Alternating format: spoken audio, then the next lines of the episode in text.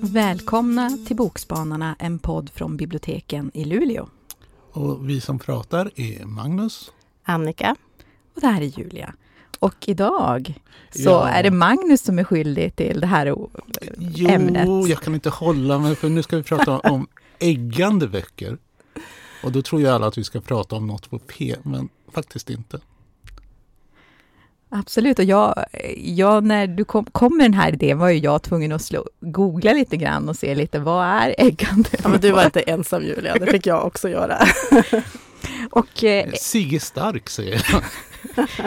och äggande, det, alltså det ska vara något medryckande, sporrande, stimulerande, inspirerande. Sexigt, utmanande kan det vara. Mm. Eh, och motsatsord då? då? Tråkigt, trist och avtändande. Så förhoppningsvis har vi boktips idag som inte är tråkiga. Men det beror ju på, det är ju så speciellt. Absolut. Men kanske jag ska börja så får vi se om jag har lyckats Ja. med uppdraget. Vi får se Jag om vi går igång på det där. Jag har då läst och vill tipsa om Papperspalatset av Miranda Cowley Heller.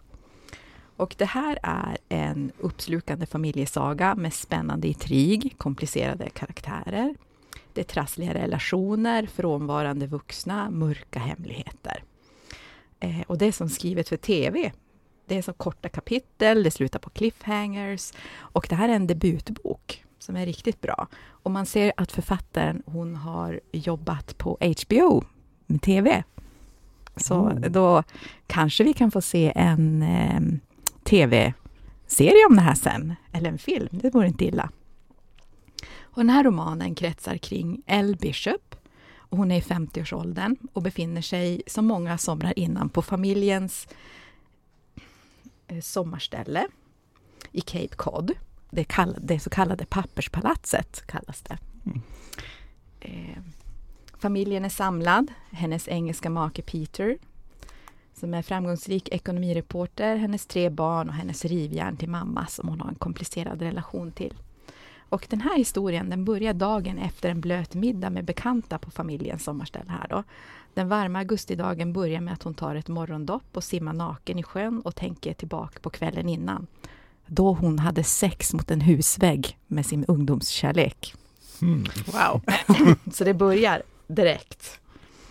Och, eh, Jonas är då en framgångsrik konstnär. Men det här är ju inte likt henne. Hon har inte varit otrogen förut. Och hur hamnade hon här?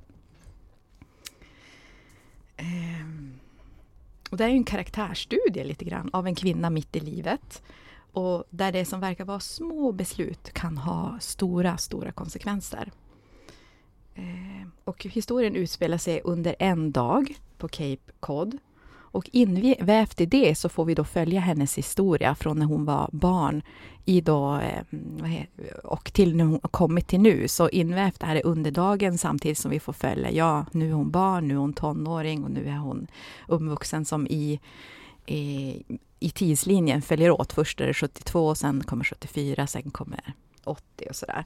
Så en väldigt spännande uppbyggnad och det gör ju verkligen att det blir eh, skapar spänning i, i intrigen här. Och vad, efter det här, vad ska hon göra? Ska hon lämna sin man? Ska hon ha en affär med Jonas här? Ska hon försöka glömma det som har hänt? Eller ska hon göra någonting helt annat? Eh. Och hon var ju med, vad heter det?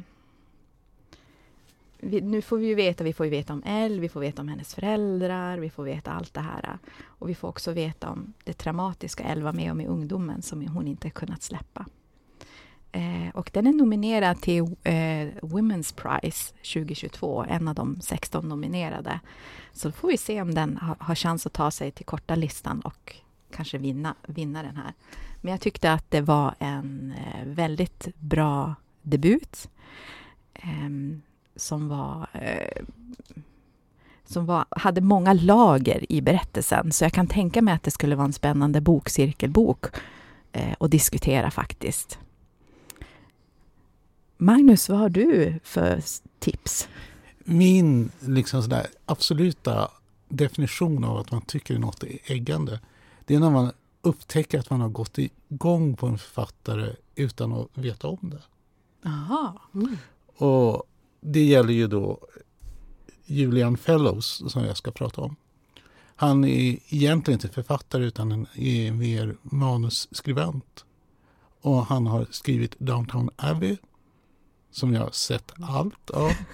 Han har skrivit Belgravia som är, eh, ligger tidsmässigt ungefär hundra år tidigare än Downtown Abbey och beskriver liksom konflikten som uppstår när köpmännen börjar göra pengar mot liksom adeln.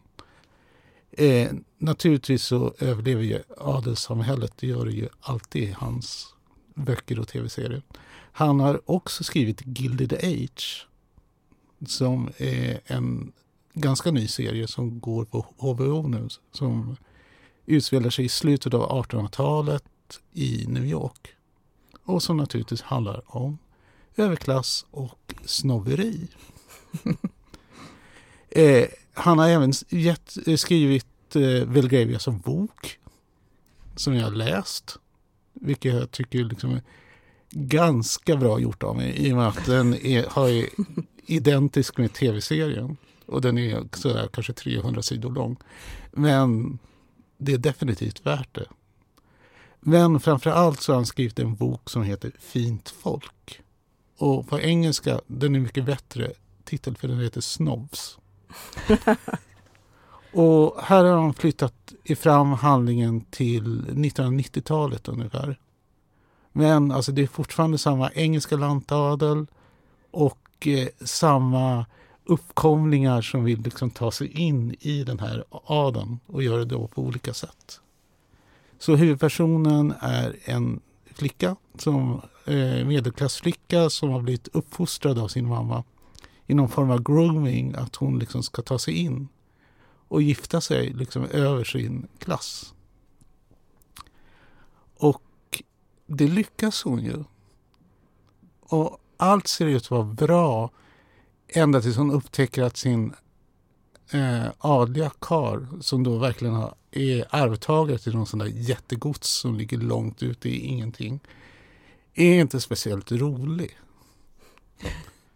Han älskar inte speciellt bra, han konverserar ännu sämre och han är lyckligast när han kan gå runt i leriga gummistövlar och skjuta på saker. Jag förstår henne. Och, men problemet för henne är att hon fastnar liksom i liksom den här överklassen. Alltså hon kan inte bo någonstans som inte är ungefär lika stort som tre fotbollsplaner. Så när hon tar sig upp till London så liksom vantrivs hon i den lilla lägenheten och vill tillbaka till miljön men hon vill inte ha karln. Och för att göra det ännu värre så blir det liksom eh, en filminspelning liksom på godset. Och här liksom börjar gränserna mellan fiktion och eh, verklighet att eh, suddas ut. För när man tänker, aha, Downtown Abbey. Just det. Som faktiskt är inspelat på ett riktigt gods som eh, efteråt liksom lever på att ta emot Downtown Abbey-sugna människor. Eh, jag var i England för några år sedan och då ville jag dit men var, de hade en kö på ett halvår. Oj, oj. Så det blev inget av. Men det som verkligen blurrar ut eh, verklighet med fiktion det är att Fellows själv, han är alltså adlig. Fast inte vad ska jag säga, högadlig utan någon sån där tredje eller fjärde barn. En sån där som får komma in men förväntas inte göra så mycket väsen av sig. Plus att han är ju då skådespelare. Precis som eh, berättaren i den här boken.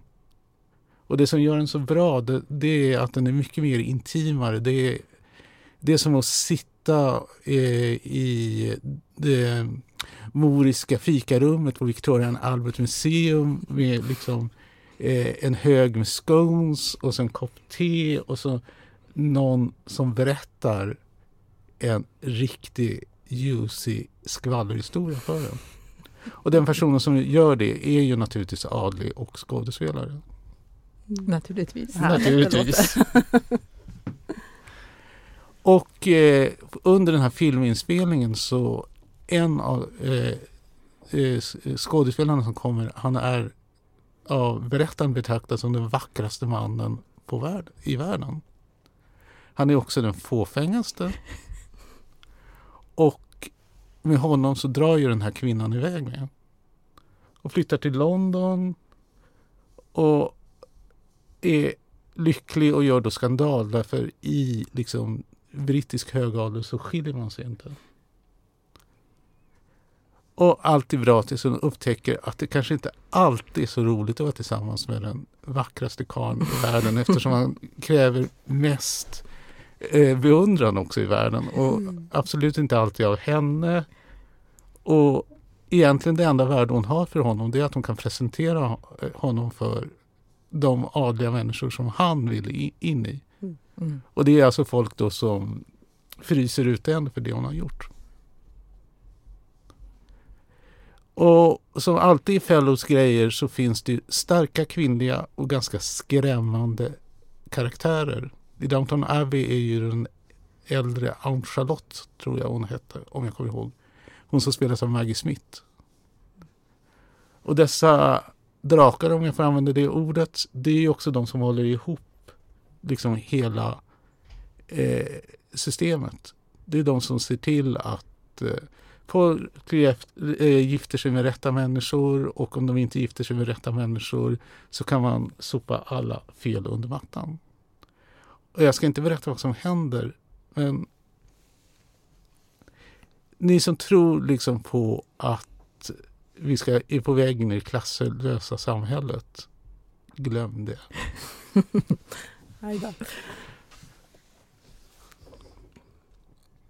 Ja, men då var det min tur här. Och eh, jag har läst en bok som heter Inertia av Johan Deisne. Um, och jag vill alltid säga det på engelska, inertia. Och det här betyder ju då tröghet. Egentligen kommer det från latinet. Eh, men alltså tröghetsprincipen, och jag går ju igång på naturvetenskapliga grejer så att jag, jag tolkar det här med äggande som, som fantasieggande också lite grann. eh, för att ja, det, här, det här är en väldigt speciell bok. Den är väldigt kort, en kort roman. Eh, det är inte ens hundra sidor men det hinner hända väldigt mycket i den boken och den stannar kvar hos en också efteråt. Jag ska berätta lite om den här. Eh, men alltså det här med tröghet då i fysiken kan jag börja med att säga om ni, så att ni vet vad det handlar om. Eh, jag alltså tänker att man eh, liksom slår av en motor och då fortsätter den att rulla ett tag innan den stannar. Liksom. Det finns som en, ett eftersläp i, i kan man säga, i i föremål, i materier. Du ska svänga en kundvagn som är väldigt tung med varor. Och så. Det går bra när du rullar den rakt fram, men när du ska svänga, du har, som, du har tänkt ut, du ska svänga, du börjar svänga, men den vill fortfarande gå rakt fram. Liksom. Eh, och det här är viktigt att komma ihåg, för det här, är en, eh, ja, eh, det här har betydelse i boken. Liksom. Men när den börjar så, så befinner vi oss då på ett tåg. Och huvudpersonen han är då en lärare som just har varit då föreläst i en eh, närliggande stad och han är på väg hem nu med tåget. Och han vaknar då, eh, han har som slumrat till och så vaknar han här och, och märker att alla runt omkring honom sitter och sover. Och det är inte så konstigt med det och han märker att ja, men det är lite skymt ute och ja, det är mörkt i kupén också där han sitter. Och, ja, men han ser landskapet rulla förbi där utanför och det är liksom, det är väl bekant men han vet inte, han har aldrig riktigt lärt sig ortsnamnen så han, ja, han känner som igen det men alla ställen ser likadana ut ungefär. så ja, men efter ett tag så börjar han tycka, ja men det är ju lite konstigt det här ändå att alla sitter och sover och eh, kan han ha liksom somnat och missat sin hållplats? Alltså kan det vara det? Eller har han rent av tagit fel tåg och hamnat på ett, på ett tåg på väg till utlandet. Men han tittar på folk runt omkring så ja, de ser inte riktigt ut att ha bagage för så här äh, långresor. Men han börjar som till slut känna sig så lite illa till mods. Det är ingen som vaknar än, så de sitter bara och sover. Och han börjar säga, att äh, jag måste hitta någon annan som är vaken. Så han, han börjar då ta sig upp därifrån och gå förbi de här eh, och gå från kupé till kupé och han, han snubblar lite grann över folks fötter och armar men trots det så är det ändå ingen som vaknar. Men till slut då så, så blir han ju väldigt lättad när han ser en, en äldre man stå och röka där i ett fönster. Och det visar sig vara då en, en pensionerad professor eh, som heter Hörnhatter. Eh, och han, eh, han är ganska liksom, lugn och samlad och sådär. Men han har också, lika som den förra, han har också somnat på tåget och liksom vaknat till att det var att alla de andra låg och sov. Han tycker att det är lite märkligt han också. Och medan de står där och pratar så kommer en yngling springandes förbi och han, han är liksom i upplösningstillstånd nästan. Han ser dem knappt men, men de lyckas som hejda honom då. Och det är en, en juridikstudent vid namn Val. Och han är ju som nästan hysterisk och liksom, ah, varför sover alla? Liksom, vart är vi på väg? Och, ja. Eh, och det visar sig då att de, eh, ja, tåget stannar in och de kliver av allihopa, alla tre, den här studenten, läraren och professorn. Eh, och när de har gjort det så börjar tåget rulla iväg igen. Så då blir de då kvar här på rälsen och det är mitt i natten, mitt i mörkret. Och, och de börjar gå längs rälsen tillsammans. Och prata lite grann Men, ja men nog var det väl märkligt det här med, med det här tåget som där alla låg och sov och ynglingen han säger så här, ja men alltså det där tåget det var ju förhäxat tycker han. Och sen gör de en upptäckt också att alla deras klockor har stannat på halv sju. så det är ju någonting som är lite konstigt här. Och, eh, de ser ljuspunkter i fjärran. Och till slut så tycker ju då den här den äldsta av dem, kanske den visaste av dem här, att ja, men vi borde lämna rälsen. Man ska inte gå efter rälsen, det kan vara lite farligt. Och vi går mot någon av de här ljuspunkterna. Så då gör de ju det. Men det är som att de aldrig kommer närmare utan de går och går. Och på vägen så börjar de prata lite sådana existentiella frågor. Eh, om saker och ting och filosoferar och ja, vad är det som kan ha hänt. Och, så där. och de har kommit fram till att de alla tre har somnat Eh, under den här resan. Det, det, är det sista de minns, att de har slumrat till och, eh, och så. Eh, ja, som sagt, de går och går och till slut så kommer de till ett landsortsvärdshus i alla fall. Eh, och det ser väl någorlunda så här, normalt ut och det är folk där inne och en stråkorkester spelar och sådär. Och, och de sätter sig vid ett bord och börjar äta och, och så. Men det är ändå något som inte stämmer. Alltså det, för det första så är det ingen som förstår vad de säger. De pratar som ett annat språk där och inte ett språk de känner igen heller. Så de lyckas med lite så här gester och sådär. Eh, kommunicera ändå att de Ja men vi vill ha det här och äta och dricka och sådär. Och det går bra. Men när de ber om en telefon eller får veta vad klockan är så, så, så är det som att de inte förstår dem alls. Liksom. så, ja. Um, Nej men alltså det, det, det liksom spännande i det här det är ju att man sitter själv och försöker säga, ja men vad är det som händer? Vad är det de har råkat ut för egentligen? Och, så där. och det här är något som eh, den här genren tillhör eh, eh, liksom den här magiska, real, magisk realism eh, som jag tycker är otroligt spännande. Det, det, till exempel om ni jämför med fantasy, så fantasy som egna världar och så här, men magisk realism utspelar sig ju som i verkligheten, men det kan finnas eh, element som är övernaturliga eller surrealistiska. Och eh, det här har ju hämtat sin inspiration då från vetenskapen. Eh, den här är faktiskt skriven eh, 1950. Så det är en äldre bok som nu har kommit i nyutgåva. Eh, och jag får lite så associationer Alice i Underlandet eller I väntan på Godot när jag läser den här. Eh, men alltså den, den är riktigt... Eh, eh, ska man säga man sitter ju verkligen bara där och liksom, jag vill lösa det här innan, innan de berättar vad som har hänt. och det är en ganska eh, intressant tankekonstruktion som de, som de har skapat där. Hur de faktiskt förklarar det här på. Så ja, verkligen reagera. Jag går igång på sånt här. Men man får någon sorts förklaring? Eller? Ja, man får ju det ändå. Um, För oftast brukar det vara öpp, ganska öppna slut när det är sådana här berättelser tycker jag. Ja, alltså det är inte super, super så här. Men ändå, jag tror att man får, man får i alla fall en uppfattning, man vet vad som har hänt i slutet. Mm. Och det är ju verkligen kopplat till titeln inertia eller inertia och det här med tröghetsfenomenet. Att en, på, en händelse är redan påbörjad innan du ser effekten av den. Mm. Men du har ju avslöjat varför. Alltså du sa ju klockan sju. Och du vet man ju klockan sju på morgonen så rör sig ingenting. Ja, tusan också, jag sa för mycket. Eh, då ska vi se. I det här avsnittet tipsade jag om Papperspalatset av Miranda Cowley Heller. Och jag tipsade om Julian Fellows Fint folk. Och jag tipsade om Inertia av Johan Deisner. Ja, hej då! Hej då! Hej då, hej då!